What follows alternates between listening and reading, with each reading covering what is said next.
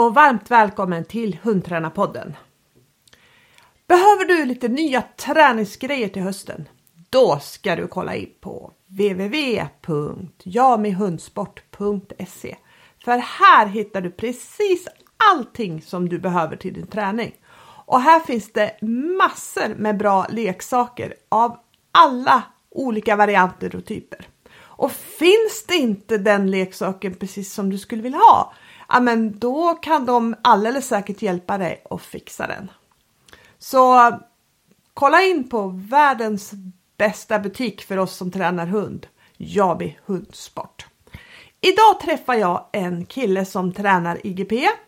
Han figgar i IGP och han har gjort något så himla ovanligt som att faktiskt startat en egen träningsklubb. Här får du träffa Mattias Johansson.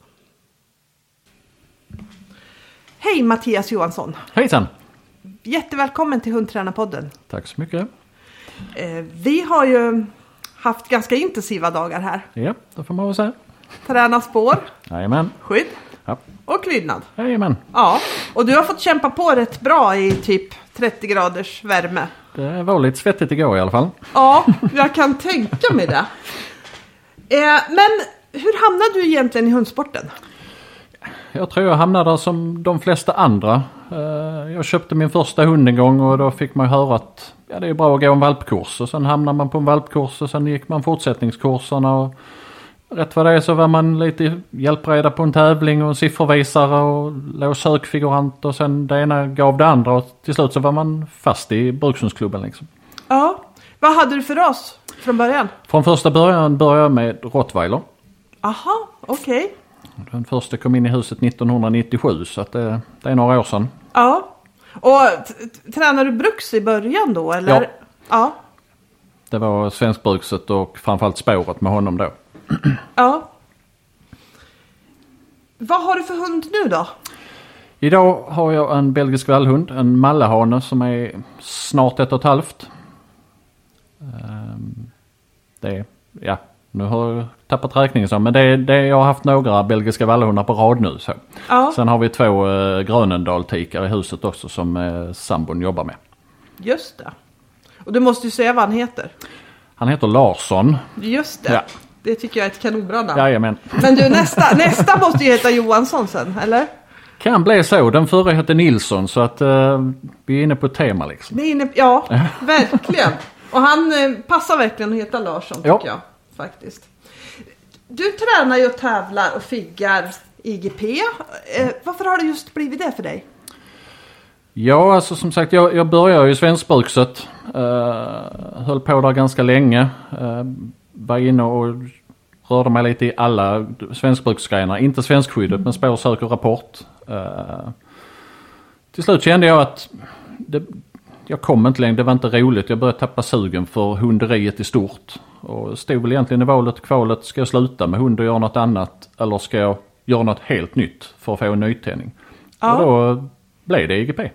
Ja, okej. Bara, bara för att göra något helt annat. Ja. Vart du intresserad av det på en gång eller var det liksom en process?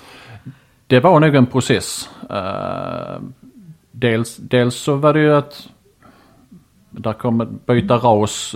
Ska jag ha något annat som är mer lämpat för IGP? Um, ehm, ja, det, det tog lite tid innan jag tog beslutet att nej, vi, vi köper en malle och satsar liksom. Ja. Och du har ju det är spår. Har du tränat någon annan hundsport än spår tidigare? Eller gick du från spår till IGP?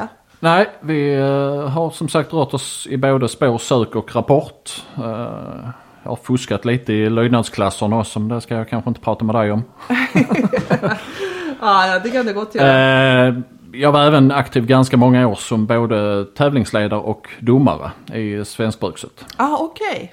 Okej. Men eh, jag släppte allt det när jag bestämde mig för att nu är det IGP. Ja. Hur kom det sig då att du började figga?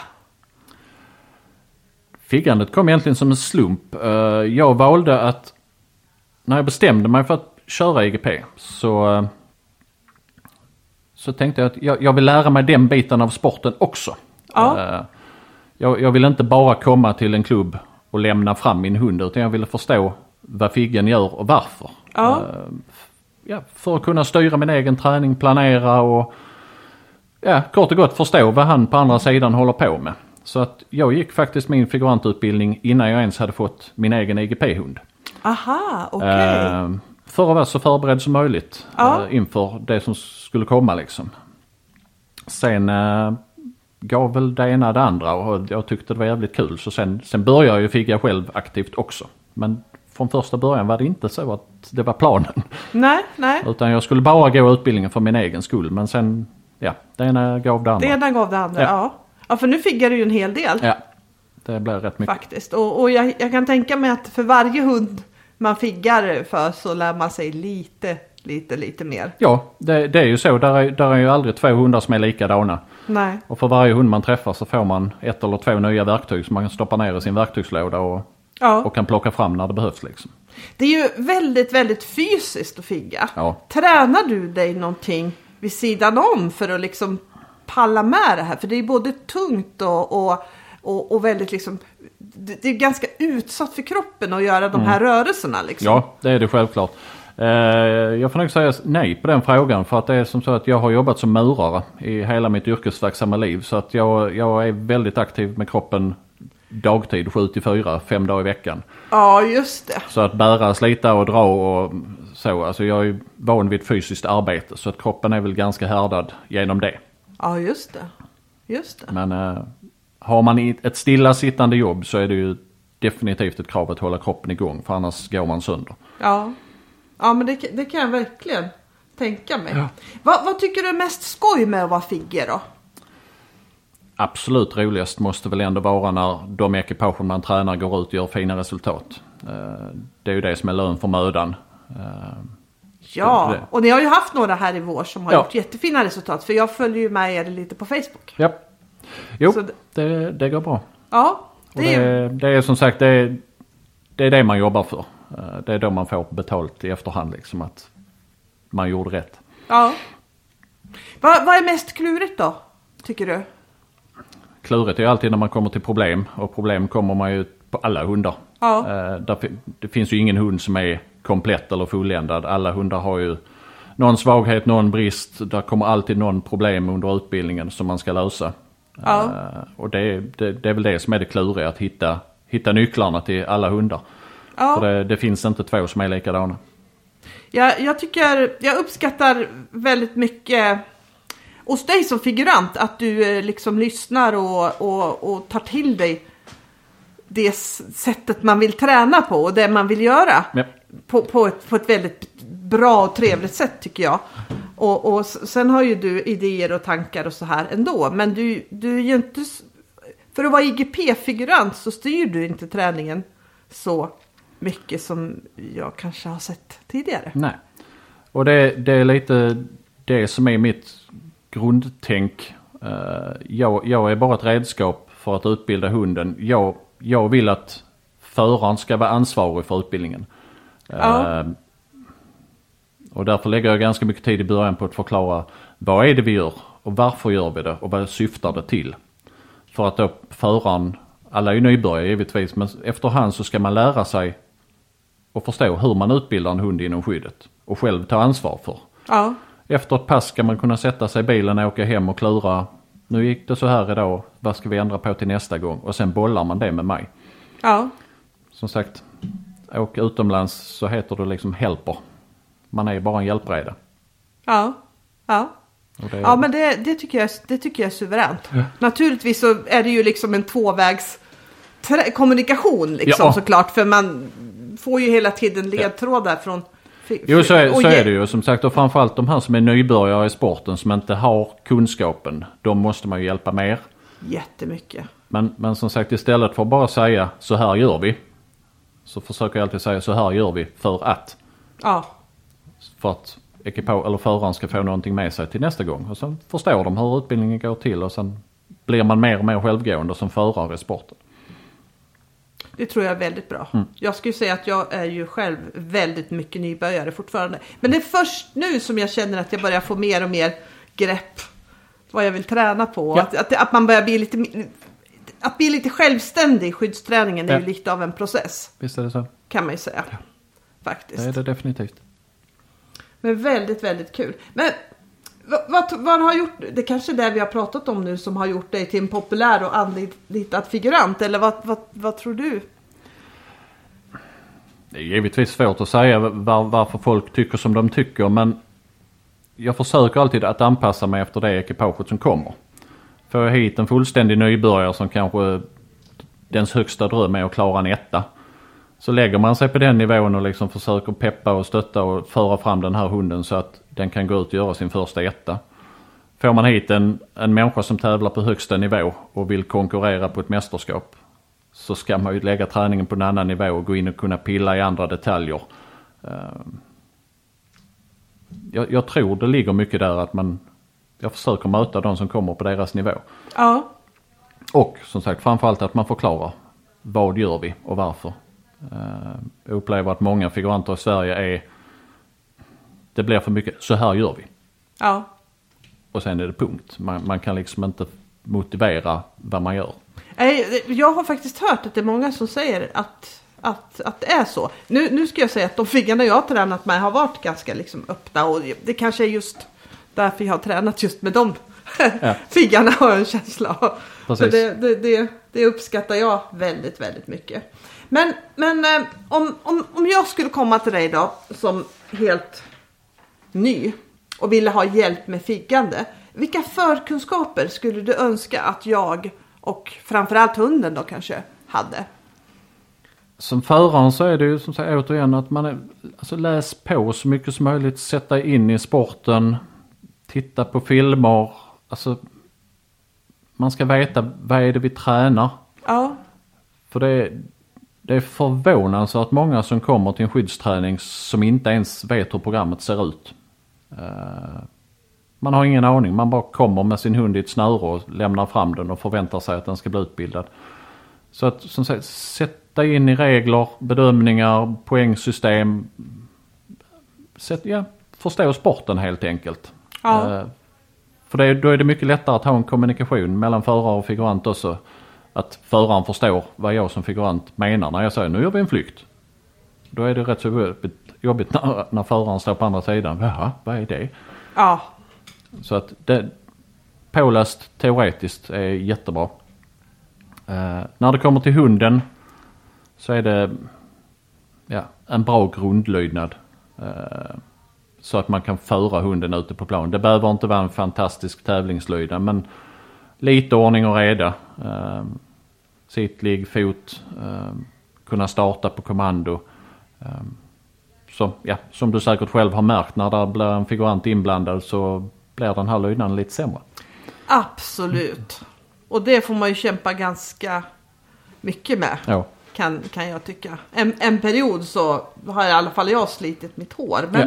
det känns som vi har ra- rasat över på rätt sida nu. Men, men det var inte enkelt. Och, och eh, jag kommer att tänka lite annorlunda med nästa hund. känner Precis. jag. Nej, så en, en stabil grund är alltid bra att börja på. Ja, För sen kommer man få mer att kämpa med längre fram när utbildningen kommer igång. Liksom hunden får smak på det. ja. Eh, Tycker du att det kommer många som, eh, som har bra grunder med sig från början? Eller är det bara jätteblandat? Det är väldigt blandat. Eh, Jag hade nog önskat att fler hade bättre lydnad på sina hundar. Eh, För det, det underlättar, alltså man slipper lägga massa tid på sånt som är runt omkring. Ja. Om man kan lägga tid på att faktiskt träna det vi ska istället. Ja, Eh, Ska man behöva lägga fem minuter på att få hunden till att släppa kunden eller sitta ner. Det, det tar så mycket onödig tid. ja. Det gör det ju verkligen. Hur mycket tycker du att man kan träna själv av skyddsarbetet i IGP? Väldigt olika beroende på vad det är för hund man har. Eh, generellt kan man väl säga så att allt som har med lite känslor att göra kan vara svårt att göra på husse och matte. Eh, alltså bevakningsbitarna där hundarna ofta behöver ta till lite andra känslor. Eh, Eh, men mycket skyddslydnadsbitar, utkallningar, transporter. Det som händer runt omkring själva bitandet. Det, det är ju ganska lätt att träna själv. Ja. Är man sen alltså fysiskt kapabel och tekniskt duktig så kan man ju absolut träna lite inhopp och angrepp och så på sig själv. Alltså när det bara handlar om att lära hunden tekniskt springa och bita en kudde. Men då ska man ju ha som sagt fysiken och tekniken att ta emot hunden också. Ja, ja för du, du berättar ju lite om din, din förra Malle Ja. var det va? Som Ja. du hade tränat väldigt mycket på. I stort sett. Ja, han blev ju i... På egen hand? Ja, Ja. jag gjorde honom i princip tävlingsfärdig på mig själv. Ja. Men det var en hund som inte alls tog till några allvarskänslor utan en, en hund som bara jobbade i social kamplust. Eh, så han hade ju inga problem att sitta och skälla på mig. Nej. Eh, även, om, även om det var husse som stod i skärmen. Ja, just det. Så att det går men det är, för, för många hundar blir det svårt när det är Ja, husse och matte som ska, ska ta de bitarna. ja. Eh, vilken del tycker du i skyddsdelen, eh, om vi säger till IGP-skyddet, vilken del ty, tyck- tycker du är svårast att få till? Ja, återigen alla hundar är olika så man stöter alltid på olika problem givetvis. Självklart. Men eh, något som ofta återkommer på de flesta hundar som jag vill åt som figurant det är att lära hunden slåss. Eh, så fort den sitter i bett så ska den slåss. Eh, går den i en flykt så ska den få stopp på figuranten. Går den i en trängning så ska den få stopp på figuranten. Eh, många hundar av naturen bara, bara biter och studsar med och sen gör man inte mer liksom. Eh, Och där får man på de flesta hundar lägga ganska mycket tid att faktiskt gå in i de här kamphandlingarna och få stopp på mig som figurant. Ja, Vi har ju jobbat senast idag med din hund. jajamensan. Det har vi gjort. Ja. Det har vi gjort. Om, om du fick bestämma bara en enda grej som alla borde träna mer på i skyddsdelen, vad skulle det vara? Återigen lydnad. Ja, Det, det, det sparar så mycket tid runt omkring och det tar bort så mycket konfl- onödiga konflikter i träningen. Alltså har man en hund som respekterar sin förare och lyssnar på vad den blir tillsagd. Träningen går så mycket lättare, man får ut så mycket mer av träningen. ja, Sen brukar jag även förklara det som så här om man, om man tänker hunden när den är högt i drift så är det som en gryta som kokar.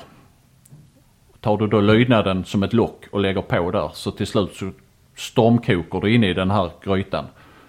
Och när du då släpper lydnaden så får hunden explodera ut på figuranten. Så att du får ju ofta mer ut av hunden om du i mellanfaserna kan lägga trycket på med lydnad. ja. Mm. Eh, vad tror du är det största hindret för de flesta när det gäller att lyckas bra med IGP? Det är ju också svårt, det är ju liksom väldigt generella saker, jag förstår det. Men Det största problemet för, för alla, framförallt de som kommer som nya i sporten, det är, ju, det är ju att hitta någonstans att ta vägen. Det är jättesvårt att hitta bra grupper och bra figuranter. Eh, man, man kommer inte in någonstans liksom utan att man har kontakter eller att man har kört tidigare hundar och så att säga är någon i branschen. Eh, kommer man som helt ny så, så är det kämpigt att ta sig in. just det. Och det är väl, det är nog det största problemet för de som, som vill in i sporten och vill lyckas. Ja, Eh, sen är det nog många som faller på att man inte fattar hur svår den här sporten egentligen är. Eh, tittar man på det, en film på YouTube eller vad man det ser ganska det lätt ser ut. ganska enkelt Ja, ut ja. ett- Speciellt de som är jätteduktiga. Ja. Det ser ut som bara tjup, tjup, tjup. Ja men Det, det är ett litet kort spår och lydnaden ser ju inte så avancerad ut. Det är inga konstiga moment där och skyddet det tar inte så lång tid. Men när man sen faktiskt börjar sätta sig in i på vilken detaljnivå man är nere och petar och hur noggrann man är.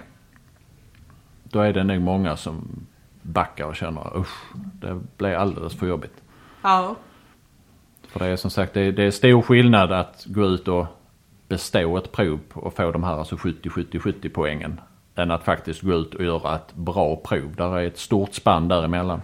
ja, Och det är nog många som inte inser det för man tror att det ser så lätt ut. ja, precis. Men eh, det är inte så lätt om man ska upp i de höga poängen. Nej, nej och det är det, det, det är samma sak där liksom. Man, man, det är så lätt för så många får så höga poäng. Men det är ju inte så många egentligen som får de här riktigt höga Nej. poängen.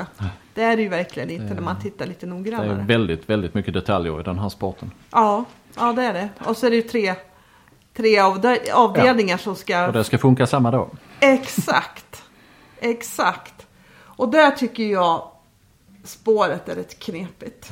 Så du ska få ge dina, allra, dina tre allra bästa spårtips.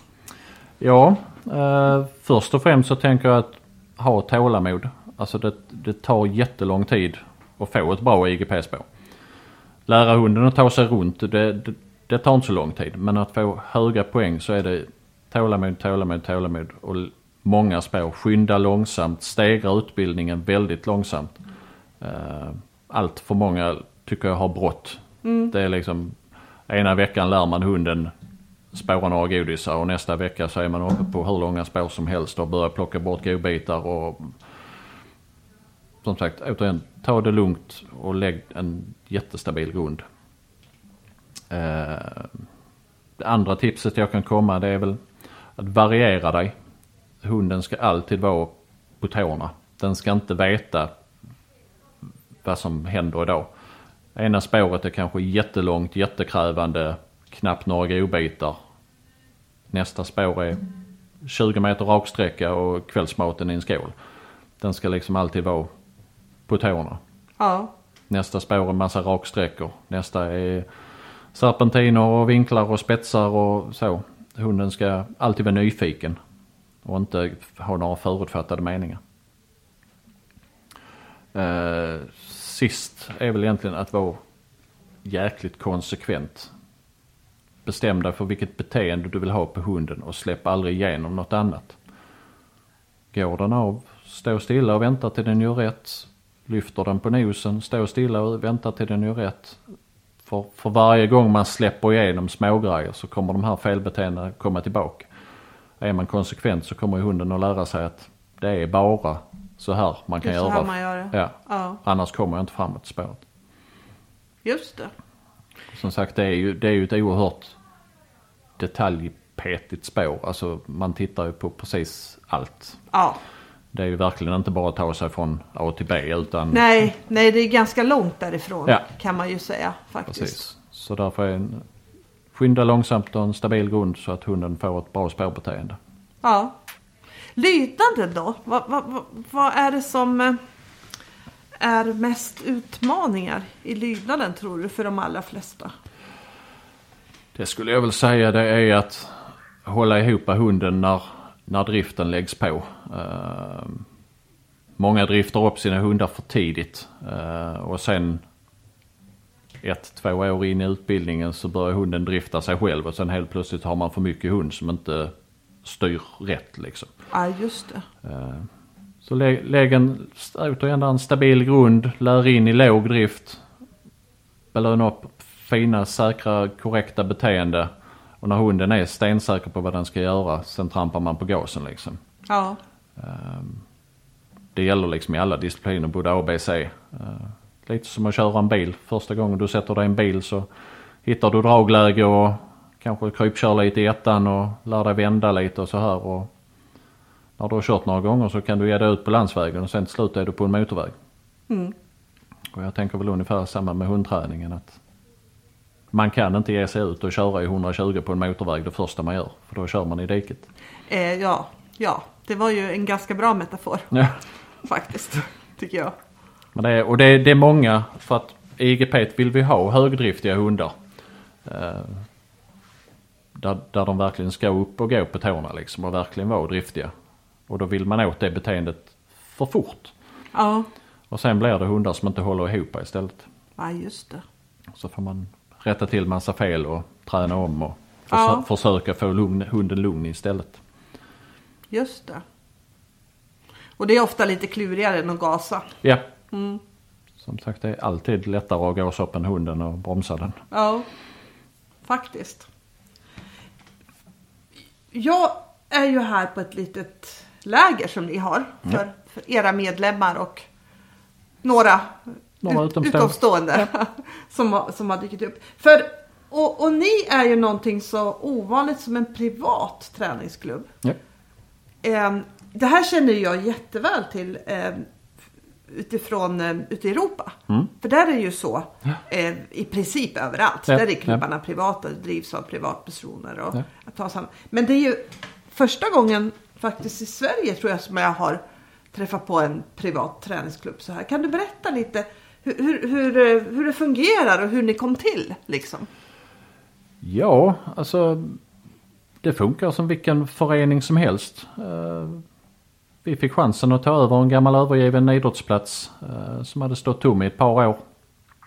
Och eh, vi registrerade en, en ideell förening på Skatteverket och skrev våra stadgar och fick allting godkänt och klart och tog över arrende från kommunen och hela det här och sen det drivs som vilken klubb som helst. Men vi står utanför SKK och SPK. Ja. ja, ni har ju en jätte, jättefin anläggning. En Ja. väldigt, väldigt fin plan. Ja. Har ni. Och själva stugan är ju också stor och fin. Och, Mm. Ja men ni har, det är ju verkligen ett bra ställe Det är ett perfekt ställe för, för hundträning. att, att vara på. Men ni hade aldrig några tankar på att bli en brukshundsklubb eller någonting sånt? Nej, Va- Varför inte? Det var väl lite grann för att, för att kunna sätta våra egna regler och stadgar och kunna ha möjligheten att välja vem som kan komma och vem som ska gå liksom. Ja, Eh, en SPK-klubb är ju 100% öppen. Alltså Ja. betalar du en medlemsavgift så är du medlem. ja, Eh, här får man komma hit och vara med och gästträna lite och känna sig för. Passar du i föreningen? Trivs vi tillsammans? eh, Och så vidare. Och sen om alla trivs tillsammans så går man in och blir medlem här. också lite så som det funkar utomlands. Ja. Faktiskt. Eh, Så det, det var väl egentligen framförallt den delen vi ville åt. Att kunna välja vem som är här och vem som inte är här. Ja, ja. Och ni kan ju också välja att satsa fullt ut på er egen sport. Ja, För det, det, det kan man ju märka, det har ju jag märkt nu sen jag började träna IGP. Hur välkomna, hur välkommen man är på olika klubbar är väldigt, väldigt, väldigt olika. Ja. Och hur man ser på det här med liksom eh, skyddshundsträning och bitarbete. Eh, jag, är med, jag är med i ett antal klubbar. Eh, eftersom det är billigt att vara delmedlem och Ja. för att få möjlighet att träna på eh, flera ställen. Då. Och, och på en del ställen då är vi precis mitt i smeten och tränar bitarbete och det är absolut inga problem. Och på andra ställen så får man knappt träna någonting överhuvudtaget. Så det är ju väldigt, ja väldigt olika det faktiskt. är jättestor skillnad. Ja, Det är tyvärr som sagt just att de bitande sporterna de, de hamnar längst bort i en hörna och de kan få vara där på fredagskvällen liksom.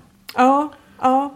Och jag, jag kan tycka så här att det var väldigt, väldigt roligt här för i vintras. För då hade våran klubb en medlemsdag. Och på den här medlemsdagen så skulle man visa alla, hund, alla hundsporter då. Och då ville de faktiskt ha med oss också. Där och prata om, om eh, IGP då. Och vi är ju långt ifrån några experter men vi kan i alla fall säga några ord och visa lite grann. Och, och jag tror det var väldigt värdefullt för Ja men för alla på klubben. För det var ganska många som kom fram. Ja men nu, nu förstår jag lite vad ni håller på med och vad ni gör. Och nu förstår jag vad det där är liksom. Precis. Så det, det kanske det känns kanske viktigt att man kan komma fram och visa visa de sporterna också. Precis. Eh, vi har ju gjort så här någon gång, väl, alltså haft öppet hus eh, så att byborna som bor här runt omkring har fått möjlighet att komma hit och titta och se vad det är vi håller på med just för att, för att de ska förstå vad, vad är det de gör där uppe på klubben liksom. Ja, det tror jag är supersmart. För att Faktiskt. är, tyvärr, skyddssporten är stort men framförallt IGP tycker jag är lite, det hamnar i skymundan liksom. Ja, Och det blir lite instängt och bakom en buske och på klubben när ingen annan är där och så. Det, det är synd för att den behöver ut i rampljuset. ja absolut. Håll, håller helt med. Men vilka fördelar, där vi har ju varit inne lite på det, men vi, vi, vi kan fortsätta lite på den frågan. Vilka fördelar är det då med en privatklubb? Och finns det några nackdelar? Fördelarna är väl den som jag sa att vi, vi bestämmer själva. Vi har, vi har ingen som sitter uppe på ett SPK-kansli och säger vad vi ska göra. Utan vi, vi driver vår verksamhet precis som vi själva vill. Eh, Tar in de medlemmarna vi vill och har möjlighet att ta in vad det finns plats för. Eh, det är väl den stora fördelen. Nackdelen är ju som sagt återigen, vi är ensamma. Vi har ingen att falla tillbaka på. Nej. Eh, Så vi har ingen moderorganisation som kan stötta oss om någonting skulle hända liksom. Eh, Det är väl de för och nackdelarna jag kan se. Just det. Men, men fördelarna överväger nackdelarna. Vet du om det finns, eh, vet, vet du, känner du till några mer sådana här privata klubbar inom IGP eller någonting Nej. annat? Eh, ingen alls faktiskt. Inte, inte som drivs som en förening. Det finns ju en del ställen som drivs som alltså företagsverksamhet där det, där det står instruktörer eller figuranter som jobbar med F-skattsedlar liksom. Ja, just det. Eh, men det är en helt annan sak. Det är en Men- helt men, annan men sak, ja. föreningsmässigt så tror jag faktiskt vi är ensamma i Sverige. Ja, ja jag, har för, jag har faktiskt heller inte hört någon. Nej. Det har i alla fall inte som sagt i- som ideell organisation. Nej. Verkligen inte. Nej. Faktiskt. Ehm, jag följer ju er lite på Facebook och så har jag varit här ett par gånger och tränat också. Eh, och det är ju liksom tack vare till att ni, ni har ju lite öppet så att det är möjligt även för folk utifrån att Oh komma hit och träna. Det är och det är ju jätte, jättehäftigt för det är som sagt, det finns inte, precis som du sa, det finns ju inte så många sådana här möjligheter. Och jag följer ju er lite på Facebook såklart också då och på Insta. Och jag har ju sett att ni har ett gäng duktiga ekipage här. Tror, tror du att det är en fördel att ni är så fokuserade på en gren? Ja, det tror jag. Eh, ju, ju, ju mer man breddar sig desto mer utspätt blir det. liksom. Det är ju lättare att elitsatsa på, på en sak än, Ja. än på fem. Ja, Så att eh, det, det tror jag nog definitivt är en fördel att vi i dagsläget bara nischar oss mot IGP. ja. Och det kommer ni fortsätta med? Det är ingenting som är hugget i sten. Eh, Det enda vi har när vi, när vi startade och när vi skrev våra stadgar det var att all verksamhet ska rikta sig mot brukshundsraserna. Ja, så det är ju ingenting som utesluter att här om fem år finns en Mondiorin-grupp eller en svenskskyddsgrupp. Eh, definitivt inte. Eh, men, men i dagsläget så har vi bara verksamhet riktad mot IGP. ja. Och ni har ju lite, ni har lite kul idéer faktiskt. Inte bara det här med att det går att få komma hit och träna utan eh, för ett tag sedan så hade ni ju faktiskt eh, en sån här prova på helg, helg för tjejer som ville figga. Ja. Kan du berätta lite mer om det? Ja, det är väl så enkelt som att säga att hälften av Sveriges befolkning är kvinnor. Eh, Och varför ska inte de kunna hjälpa till med denna biten? Givetvis så det, det finns ju en, en fysisk aspekt. Alltså det, det krävs ju viss del styr, Ja. styrka och teknik att, att ta en hund i ett modprov till exempel. Men det finns så mycket annat man kan göra som figurant som du precis lika gärna kan göra om du är tjej. Eh, har ingen betydelse vilket kön man har för att lära grunder på en hund till exempel. Ja, just det. Eh, men vi har upplevt att tjejer inte riktigt vågar. Alltså kom, komma till en grupp där det står ett gäng gamla gubbar som fnyser för att det är en tjej som vill testa. Det, det, blir, det blir jobbigt. Så, Ja. där, så därför valde vi helt enkelt att detta blir en, en ren tjejhelg. Alla som vill får prova och man får prova det man vill. Det var inte något sånt här att man måste göra alla grejer utan nu ska vi testa detta. Ni som vill får göra det. Och sen var det bara tjejer som fick vara här. Inga respektive och män och sambos och kompisar. Utan det var bara ett gäng tjejer och sen jag som instruerade. Aha. Och även ekipagen som var här som provhundar var kvinnliga hundförare. Ja. Så att det var väldigt uppskattat och det är några stycken som fick blodad tand och vill fortsätta också. Så Ja att men det är ju, det är ju kul. superkul. Och det är ju liksom lite, lite nytänkande också. Ja. Kan jag. Men som sagt faktiskt. återigen, det är, halva befolkningen är kvinnor och det finns ingen anledning att de ska stängas ute. Vill de så finns det all möjlighet att figga även om man är tjej. Ja, precis. Ja, det tycker jag är häftigt i alla fall. Mm. Men du, finns det någon tjej som är tävlingsfigg då inom IGP? I dagsläget tror jag inte det finns någon, i alla fall inte i Sverige. Nej, jag tror inte, Eh, tror inte heller det. Jag har nog nej. inte hört någon som... Där har funnits eh, längre tillbaka men eh, de är nu borta. Ja, utomlands vågar jag inte svara på. Finns kanske. mm. Men det är i alla fall väldigt, väldigt ovanligt. ja Men precis. det är, det är som sagt, det, det tar ju hårt och det sliter på kroppen och det krävs ju en del styrka också som sagt. Det krävs ju ganska mycket styrka och, och det, vi kanske ska förklara det vad, lite mer vad det här för, för, för alla de som lyssnar på det här som inte tränar skydds. Vad, vad innebär det här egentligen att man tar emot hunden som figurant? Ja, alltså hu- hunden under programmet kommer ju i ett, i ett antal olika angrepp. Alltifrån en flykt där jag som figurant springer ifrån hunden. De angreppen tar ju inte jättehårt. Men man avslutar med ett modprov där man skickar hunden på ganska långt håll. Och figuranten springer mot hunden. Så att det blir en rätt så kraftig konfrontation. Och där måste man ju alltså tekniskt kunna ta emot hunden mjukt. eh, så att det inte blir någon krock utan fånga upp hundens energi och sätta ner den mjukt. Eh, Men som sagt det krävs ju både te teknik och styrka.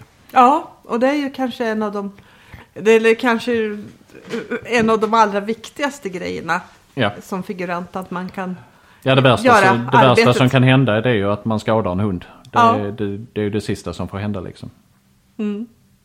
Och det här är ju inte så lätt. Nej, För det går ju det går fort ibland. oerhört fort alltså. Så jag förstår att man måste, det är verkligen en träningssak att hinna följa med på det här. Precis. Och många hundar rör sig ju väldigt olika. Och, Ja. Så det är ju liksom inte, man måste ju verkligen, Ja, det man kan inte gå och sova liksom. Nej, det är tiondelar och hundradelar och bestämma sig var, var hunden kommer. Om den vill komma på högersidan eller vänstersidan och om den kommer högt eller lågt. Så att det är bara till att anpassa sig och ta emot hunden så mjukt man kan. Ja.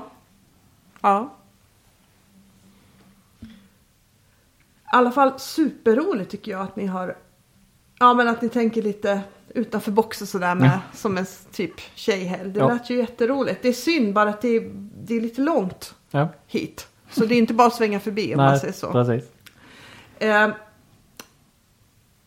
om, om vi hoppar över till lite mer allmänna grejer. Om vi säger, vad ligger den största förbättringspotentialen hos hundtränare om, enligt dig? Pratar vi då bara IGP till att börja med så är det det som jag har sagt så många gånger redan under denna intervjun. Det är att läs på och ta ansvar för din träning. Eh, lämna inte över hunden till figuranten och räkna med att han ska lösa alla problem utan föraren ska utbilda hunden tillsammans med en figurant. Och då krävs det som sagt sätta in i bedömningar och regler och, och hur sporten funkar. Eh, det, det, det är mycket lättare för mig som figurant att figurera för ett ekipage som vet vad de vill och har en plan. Ja, Eh, och det, det är som sagt det är alldeles för vanligt att man, man kommer med hunden i ett snöre och lämnar över den på planen och säger att träna min hund, jag vet inte vad vi ska göra.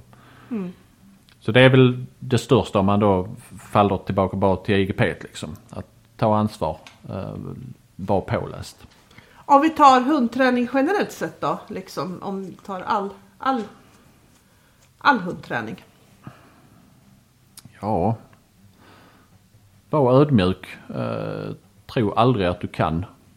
Det finns alltid fler saker att lära sig. Eh, nya metoder, nya tekniker.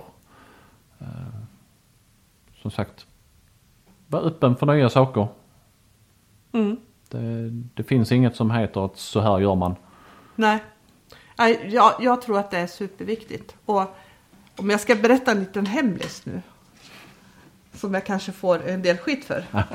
så skulle jag säga att jag tror faktiskt att just den här saken som du sa nu. Är ehm, den som kanske gör att det går väldigt bra för många tjejer i hundsporterna. För det tycker jag ibland kan vara lite skillnad på tjejer och killar. Att tjejer har lättare att vilja ta hjälp och vilja liksom utveckla sig och liksom Ja, jag har en känsla faktiskt att det, att, att det är så. Ja, det, det är ett ganska stort Jag hinder. håller definitivt med dig. Ja, Det är stor skillnad på att tränar tillsammans med en kvinna och en man. Ja, ja. Och det, det är liksom, det, det vill absolut inte säga att det gäller för precis alla killar. Nej. För det finns många killar som är ödmjuka också. Och eh, jag tycker jag har många träningskompisar som manliga som är väldigt, väldigt ödmjuka. Men eh, man stöter på det ganska många, Ja. men så många som inte är utan eh, man tycker att man kan det här, men det fungerar ändå inte. Nej, och även om man har tävlat på hög nivå med många hundar så kan det komma en fullständig nybörjare med sin första hund och kläcka ur sig en jättebra grej som man själv aldrig har tänkt på. Absolut. Så man, som sagt, man ska inte tro att man kan. Nej. Man, man blir aldrig fullärd i detta. Nej, det blir man verkligen, verkligen, verkligen inte. Och så fort man tror att man börjar närma sig det, då händer det någonting som gör att man får bevis för att det inte var så. Precis. Så, ja. Om man vill bra, bli bra på att lära ut hundträning då, vilka är dina bästa tips? Jag tror det viktigaste är som jag sagt tidigare, att alltså möt ekipaget på den nivån ekipaget är. Eh, Möter jag någon som kommer med sin första hund och drömmer om att en bra dag kunna klara sin första IGP1 så försöker man träna så att den blir nöjd. Eh, Lägger nivån på träningen så att det passar ekipaget. Får man hit någon som vill gå ut och kunna prestera på SM så måste man ju steppa upp sin träning och gå in och peta i detaljer på ett annat sätt. Och blandar jag de här två träningsmetoderna så kommer ju båda två bli missnöjda. Eh, Så det, det är väl kanske en av de viktigaste att man, man ger ekipaget det de vill ha. Ja, Eh, Och sen är det som jag försöker göra i mycket här ute när vi tränar skydd, det är att man alltid förklarar vad du gör. Eh, Och det gäller ju både lydnadsträning och, och spårträning. Man, man ska inte bara säga att så här ska du göra. Utan man ska säga så här kan du göra för att. Så att man ger ekipaget kunskapen att vi gör det för att. Eh, Det är jättevanligt, framförallt inom skyddet men även i de andra disciplinerna. Men det är jättevanligt att jo, man, gör så här. Men man kan inte förklara varför. nej just det. Och det, jag, jag tycker det är jätteviktigt att man delar med sig av att vi gör så här. För att det syftar åt detta hållet.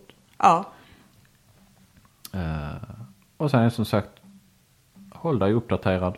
Tro aldrig att du kan allt. Det kommer alltid nya grejer. Så som sagt, utvecklingen går framåt. Och ska man vara duktig på att lära ut så får man ju vara uppdaterad.